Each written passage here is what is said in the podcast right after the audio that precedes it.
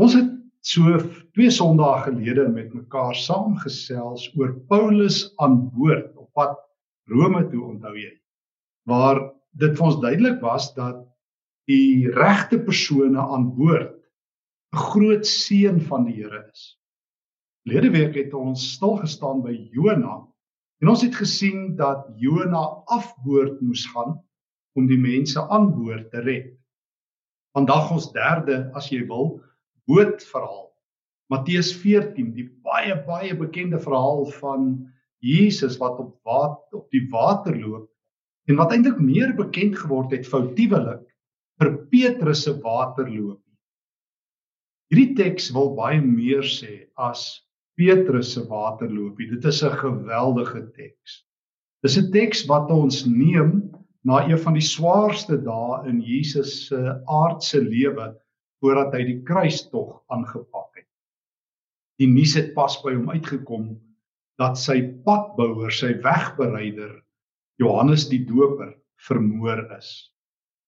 En ons wat so baie van moord hoor en jy wat dalk ook al dit naby aan jou lyf by 'n familielid of by 'n vriend beleef het, jy sal weet dit is traumaties. En Jesus die seun van God, so vertel Matteus 14 vir ons, onttrek hom uh neem saam met sy disippels die boot en vaar oor die see van Galilea na 'n stil plek toe. Want jy kan nie vir Jesus alleen los nie. Die skare kom agterhuis weg en onmiddellik begin die skare al langs die see van Galilea omstap om Jesus op te spoor. En laatmiddag kry hulle hom en en ek sien dat 'n groot skare rondom Jesus is. Hy het nie eers tyd om sy eie droefheid en sy seer te verwerk nie. En dan dan as dit laatmiddag is vroeg aand, dan gee Jesus vir hulle by wyse van spreuke 'n aandete. Hy vermeerder die brood. Baie 5000 mans alleen. En dan lees ek dat Jesus daarna, nadat hy die disippels weggestuur het en hulle die 12 mandjies kos opgetel het, onttrek Jesus hom en gaan hy op die berg om te bid. En dan ek sluit aan by by Matteus 14 daarvan af vers 22. Jesus ehm um, het sy disippels dan weggestuur, hy is op die berg en die disippels was aan die roei. En dit was in die middel van die nag trouens, Matteus doen moeite om vir ons te sê die die die vierde nagwaak. Nou ons weet die ou Romeine het die ehm um, nag in vier nagwake ingedeel. En dit bring ons so tussen 3 uur en 6 uur in die oggend. Is daar 'n groot storm op die see van Galilea. Nou, ek was al so deur die Here se goedheid so 23 keer van my lewe in Israel. En vir my is die twee groot hoogtepunte altyd om op die see van Galilea met die boot saam met mense te wees en om in Kapernaum Die see van Galilea is so ongeveer 21 km lank en op sy breedste punt so 12-13 km breed. Varswatermeer, die tweede diepste onder varswaterplek op die aarde. En en juis hier is Jesus se disippels aan die roei in 3 uur die nag. Die wind is teen hulle. En wanneer die storms op losbreek op die see van Galilea, raak dit redelik onstuimig. Ons was al 'n keer op wat op hierdie see dat die ehm um, dat die wind regtig hard waai en die reën val. En dan kan 'n mens verstaan hoe dit moet wees. En Jesus sien daar van die berg af sy disippels is in die moeilikheid. En met uh teen die 4de nagwaak vers 25 het Jesus op die see aangeloop gekom na hulle toe. Mag ek saam met jou stil staan uit hierdie teks by vier tonele as jy wil. Eerste toneel: Die helper is op pad. Sy mense is in die moeilikheid. Jy hoef nie eers te bid voordat die Here help nie. Jy hoef hom nie eers aan te roep voordat hy op pad is nie. Die Here, die seun van God, is op pad na sy kerk in die moeilikheid. Op die see. 'n regte see 'n regte storm. Maar nog altyd nog altyd van die vroegste kerk af het die vroeë Christene hierdie teks ook simbolies gelees. Want die Griekse woord wat onder andere hier vir wind gebruik word, anemos, het ook die ondertone van boosheid, van die bose winde, van van die sataniese storm, van van die donkerte wat oor die wêreld woed, van die storm waarin die kerk ook vasgevang is en jy en ek die swaar kry, die slegte winde wat waai. En die helper, die Here, is op pad. Sy kerk het nog nie eens gevra nie. Gelowiges het nog nie eens uitgeroep nie of die Here, die seun van God, loop ligvoets bo op die storm waterlangs na sy kerk toe. Presies daar in die midde van die storm, daar is die Here. Hy is op pad. Hy kom om te help. Maar o wee, o wee. Vers 26 Toe sy disippels hom op die see sien loop, het hulle groot geskrik. Letterlik die Griekse woord, hulle hulle het in angs uitgebreek. Hulle het hysteries geraak. Nie van blydskap nie, nie van opgewondenheid nie. Dis 'n spook. Fantasma, die Griekse woord. Wat nie maar net 'n spook is nie, dis een of ander vreemde wese uit die onderwêreld. Dis wat hierdie woord beteken in baie kulture in daai tyd. Jesus is 'n verskyning uit die onderwêreld, uit Hades, die doderyk. 'n Gevaarlike spook loop op die see. Die Here is op pad om sy kerk te help en sy kerk verwarm vir 'n spook of 'n gees verskyning. Wat 'n fout. Wat 'n fout. Die Here is naby. Dit laat my dink aan die Emmausgangers in Lukas 24 Die Here Jesus het pas uit die dood opgestaan en hy loop saam met hulle en hulle sê, "Waar is die Here?" Die Here Jesus is op pad op die storm, die bose storm, die regte storm na sy kerk toe om te kom help en hulle skree, "Spook, spook!" Hm. Maar Jesus vers 27 het met hulle gepraat. Dit is hy sê eer, hy sê drie dinge. Wees gerus. Die Griekse woord wat hier as 'n bevel gebruik word, starseo, beteken kom tot bedaring. Um dis dis reg. Um kom rustig, wees rustig. Dan die grootste woorde ooit. Ek is. Ego eimi. Dis dieselfde woorde, weet jy, wat God by die brandende braambos vir Moses gee. Wanneer Moses vra, "Wie is u?" Ek is wie ek is die woorde wat wat wat sê God het opgedaag. Dit is die verbondsnaam van die Here. Jesus gebruik dit nou vir hom. Die helper is op pad. Die mense dink dit is 'n spook en Jesus sê: "Kom ek leer julle wie is in julle midde. Ek is die God van Abraham, Isak en Jakob. Die God wat die Rooi See oopgekloof het, die God wat sy volk gered het. God het opgedaag. Ek is by julle. Ek is by julle. En dan onmiddellik die woorde wat daarop volg, moenie bang wees nie. Hoe sal dit nie wonderlik wees nie as die kerk van die Here, die Here van die kerk hoor. Sal dit wonderlik wees nie as ons beter taal kry om oor God te praat. Oor die beste en vir my een van die hartseer dinge, die beste wat mense oor God kan sê deesdae, toe maar God is in beheer. Ek was al soveel keer in die moeilikheid as ek sê God praat nooit so oor God nie. Nooit sê God, nooit sê Jesus as hy hier op die op die see by sy disippels opdag, toe maar, ek het 'n plan, ek is in beheer nie. Hy sê ek is is die Here is by julle. Nie bang nie. Hier op keer as ek daaroor skrywe en daaroor praat, vra mense vir my, maar is God nou nie in beheer nie? Dan sê ek Ja, maar hoor hoe druk hy sy beheer uit. As al wat jy ooit oor God kan sê is dat hy in beheer is, verstaan jy nie vir God nie. Ja, jy mag dit sê mits jy verder gaan en verduidelik, my God is die God van verhoudings.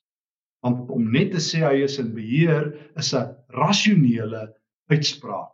Ek dink maar, ek hoop maar, miskien is hy so Zeus en het hy al die toutjies getrek. Miskien het hy 'n meesterplan. Nee, nee, nee. God se plan is geopenbaar. God se plan is Jesus op die see, Jesus op pad na sy kerk toe wat sink, Jesus op pad na jou lewe toe. Ek is moenie bang wees nie. Hoe God se beheer word uitgedruk in verhoudings. Dit skuif van rasioneel my kop na relasie my hart. God praat altyd so oor God. Hoe mis die kerk dit? Hoekom het ons ons manier van praat normatief gemaak? Hoekom hoekom moet ons beheertaal gebruik terwyl God verhoudingstaal gebruik? Onthou jy nog? Onthou jy nog nou die dag toe ons in uh, Genesis 39 by Josef was? Ek is by jou in die tronk. Onthou jy wat sê God vir Joshua in Josua 1? Ek is by jou, Joshua. Onthou jy wat sê God vir Gideon in Rigters 6? Ek is by jou, dapper held. En nou in die storm die sataniese storm, jou storm. Moenie net sê God is in beheer nie. Jy het nog glad nie genoeg gesê of reg gesê as jy dit sê nie. Jesus die helper kom en sê is ek is by jou. Nou die dag weer loop ek in iemand vas wat wat praat van die man daarbo. Jy weet die man daarbo het dit vir my gesê, the man upstairs. Ek sê jy's heeltemal verkeerd. Hy's nie daarbo nie. Hy is Immanuel. Hy is God by ons. Hy is op die storm. Toneel 1. Hoor Jesus in 'n omgewing wat sê ek is by jou. Ek is by jou. Voordat jy gebid het, het ek geweet. Voordat jy in die moeilikheid was, was ek al op pad. Voordat jy begin soek het, het ek jou opgesoek. Voordat jy begin verdwaal het, het ek jou ruitverwysings gehad. Ek is op pad. Toneel 1, toneel 2, die toets. Toneel 1 die helper is op pad. Toneel 2, die toets. Toe sê Petrus: "Here, as dit regtig U is." Hierdie is 'n skokker. Die Griekse konstruksie wat hier gebruik word, die Griekse woorde is identies soos Matteus 4 vers 1 tot 11 waar die Satan 3 keer vir Jesus versoek: "As U die seun van God is, Petrus sê as u die Here is identies soos die toetser Jesus toets word hy nou deur Petrus getoets. O jy moet mooi verstaan, Jesus was op pad boot toe. Jesus was nie van veronderstelling die disippels moet uit die boot klim en na hom toe loop nie. Hy is op pad om by hulle aan boord te klim. Nou kom die toets. As u u is. As u die Here is. Sê vir my, beveel my letterlik, beveel my om uit te klim en te loop. Soos die Satan vir Jesus toets, weier Jesus om in 'n hoërskool straatgeveg te ontaar. Dit gaan nie oor wie se God is die sterkste nie. Jesus weier om met die Satan sulke armdruk speletjies te speel. Al sit mense dit op Facebook waar Jesus en Satan armdruk. Al is daar allerlei goetjies oor Christus en die Satan wat kaart speel. Christus verwerdig hom nie om aan Satan se toetse toe te gee nie. Maar wanneer Petrus sê, Here, is U regtig U? Al het God gesê, God se seun gesê, God is op die storm. Hm, glo Petrus nie. Glo baie mense nie die Here nie. sê baie mense, hy moet dit bewys. Kom Petrus, loop op water. En dan loop hy totdat hy die water stukkend trap totdat hy gate in die water loop wanneer hy die animos die storm sien die toets as u u is. Petrus het uit die skei geklim en tot by Jesus gekom maar toe hy die sterk wind sien het hy bang geword. Net nou maar was die disippels vreesbevange. Nou is Petrus bang. Die bangheid gaan nie weg nie. Al sê die Here moenie bang wees nie. Hou op bang wees. Dit is ek. Ek is die Here in die storm, die Here van die storm. Ek is die Here wat jou ken, wat weet wie jy is. Ek is by jou. Ek is nie net in beheer nie, my beheer maak dat ek dat ek tussen julle kom loop. Dat ek op die see is as jy in die see is.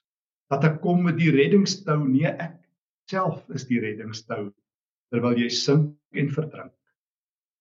Hm. En Petrus toets die Here.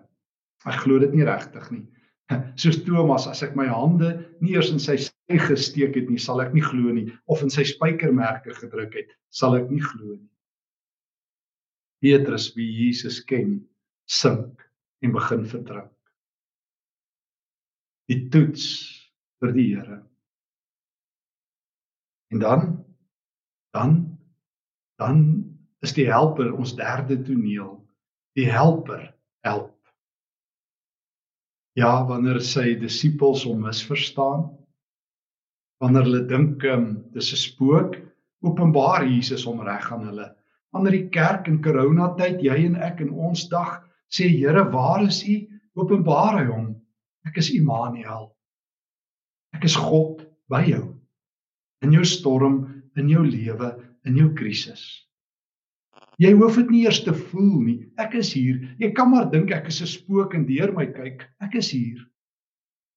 Jy kan my toets. Petrus en ek gaan jou ook help.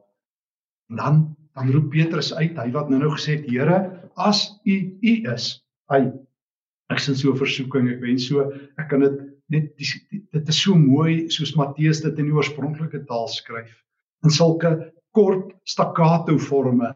Here as U U is, maar nou nou wanneer Petrus sink, Here red my.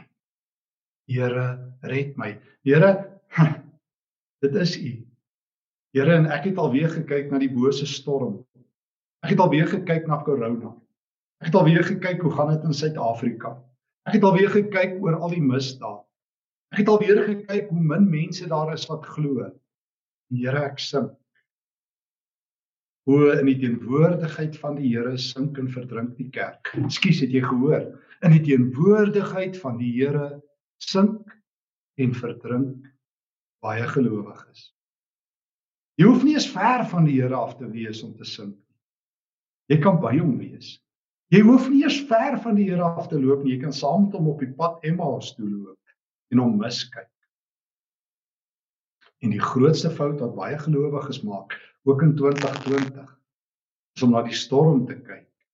Is om na die krisisse te kyk, is om na alles wat verkeerd is te kyk en nie na die Here in die storm nie.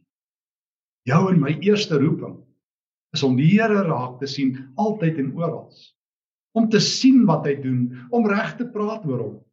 Anders te gaan ons sink en verdrink met ons godsdienst en al. Petrus sink by Jesus se voete. God dank. God dank, luister mooi. Met een uitroep op sy lippe. Here, red my. Soos die man aan die kruis, Lukas 23. Here, dink aan my. Soos die tollenaar in Lukas 18. Here, wees my genadig. Soos Petrus in Lukas 5 O God, ek is 'n sondaar. Soos Jesaja in Jesaja 6, elke woord op my lippe is onrein. Here, help. Here, help. My hande. Here, help, wees U die reddingstou, red my. En help die helper. Toneel 1 die helper is op pad. Sy kerk dink dit is 'n spook en hy wys sy hart. Toneel 2 die toets van Petrus wat hy druip. Hy loop 'n entjie op water, trap die water stukkend, sink en verdrink by die Here.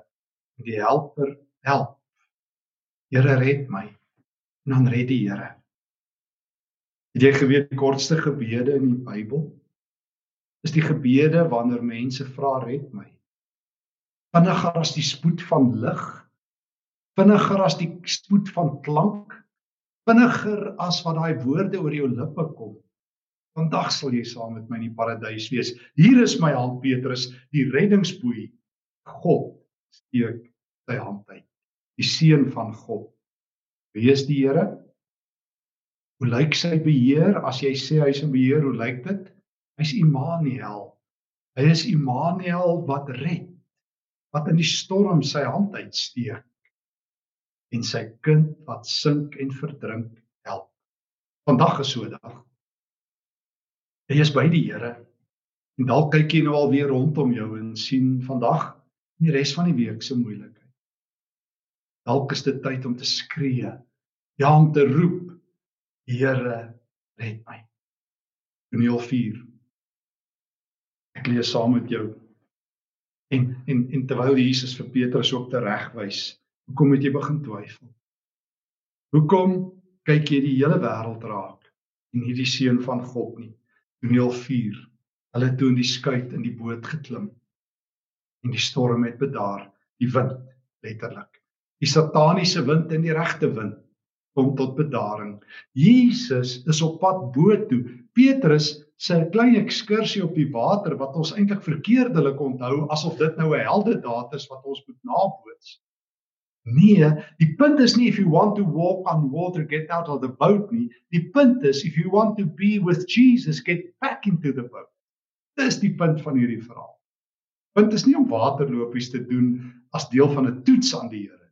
Die punt is die Here wat op die water bo op die storm is, wil die storm stil maak en hy wil 'n rustige skuit hê. Rustige boot waar sy kerk hom aanbid. Toneel 1 die helper is op die water. Toneel 2 hy word getoets. Toneel 3 hy help die toetser, die een wat sink. Toneel 4 terug op die boot, maar hoor wat gebeur. Hulle het uit toe in die skuit geklim en en die wind het gaan lê en die manne in die skuit het voor Jesus gekniel en gesê: "U is waarlik die seun van God. Oeg, en weer 'n keer my my eie stryd, want in die Grieks is dit so mooi. Hulle hulle hulle hulle hulle Petrus se toets is Here as U die seun van God is, word nou vervang met U waarlik U is die seun van God. U is waaragtig, U is God se seun. Waaragtig, U is die Here storm het bedaar. Jesus is in die boot. Sy kerk aanbid hom. Dis waarvoor Jesus op pad is. Nie om jou probleme op te los in die eerste plek nie, om by jou te wees. Wanneer jy net God nodig het om jou probleme op te los, om jou gebede te verhoor, om jou diepste behoeftes aan te spreek, gaan jy God nooit verstaan nie. Dis Hollywood se God. Gimme gimme gimme soos Abba sing. Gee vir my dit en doen dat en doen so en as jy dit nie doen nie, is ek klaar met u. Nee nee, God is op pad om in die boot by sy kerk te wees, sy kerk se harte te bedaar, vrede te bring sodat ons hom aanbid. God is die antwoord. God is genoeg. Die Here van storms maak die storm stil en dan buig sy kerk in die boot voor hom. Dis aangrypend dat die vroeë kerk aan die begin af die visserskuit as jy van die simbole gebruik het. Die kruis het maar eers hier van die 4de eeu se kant af, so bietjie vroeër maar hier van die 4de eeu se kant af, die simbool van die kerk van Konstantin se tyd af. Vroeg vroeg was dit veral die druiwetros van Johannes 15 en die vis maar ook en die goeie herder van Johannes 10 en Matteus 14 O, die storm het bedaar as jy Jesus aanbid. Die storm het bedaar as jy tot rus gekom het, tot pelgrimsrus aan die Here se voete. Wat 'n dag, wat 'n storm. Wat 'n Here. Sy hart breek oor sy sy sy vriend, sy wegbereider wat dood is. Hy sit op die berg en hy sien sy kerk in die storm, sy disippels en hy loop op water om hulle te kom help en hulle sê dis 'n spook. En sy sy sy disipel Petrus toets hom met 'n toets as dit regtig u is. En dan dan dan backfire sy eie toets op hom. En dan is die helper weer daar, Here red en hy red. Maar die Here is op pad om die storm stil te maak en by sy kerk te wees. Bo op die water. Ek weet nie waar is jy in jou lewe nie. Ek weet nie hoeveel storms moet jy trotseer nie. Miskien is jy ook besig om te sink. Hoor die woord van die Here. Hy's op pad. Die helper, die seun van God, die Here. Jy sal jy sal een woord hoor as jy mooi luister. Moenie bang wees nie. Ek is. Ek is die Here van storms. Ek is die Here wat bo op die water loop van die see van Galilea, wat bo op die sataniese magte loop. Ek is die Here wat die dood uit die pad uit geloop het. Ek is die Here aan die regterrand van God.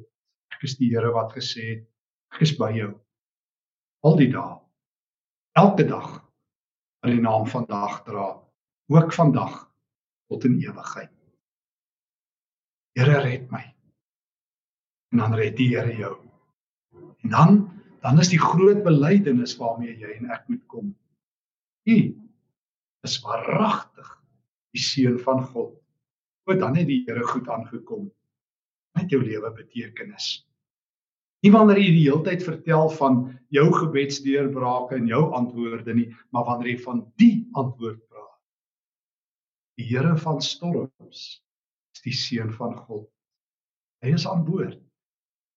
Daarom het my skipie koers solank die regte stuurman aan boord is. Mag die Here gee dat die storm sal bedaar omdat Jesus, die seun van God, by jou is. Kom ons dank hom. Kom ons bid saam. Dankie Here Jesus dat U storm stil loop.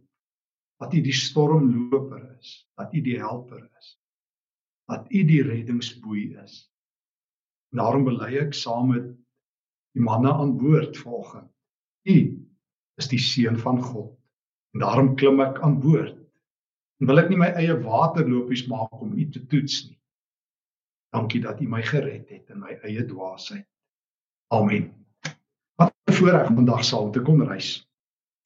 Dankie vir almal wat betrokke is by U kerk op baie maniere. Dankie vir almal wat ruim bydra en jy hoef op nie, maar dankie dat jy dit doen dat jy e kerk se bediening moontlik maak en dat ons ruim kan weggee in hierdie afgelope tyd van corona 'n paar honderd duisend rand ekstra kon weggee aan mense in nood.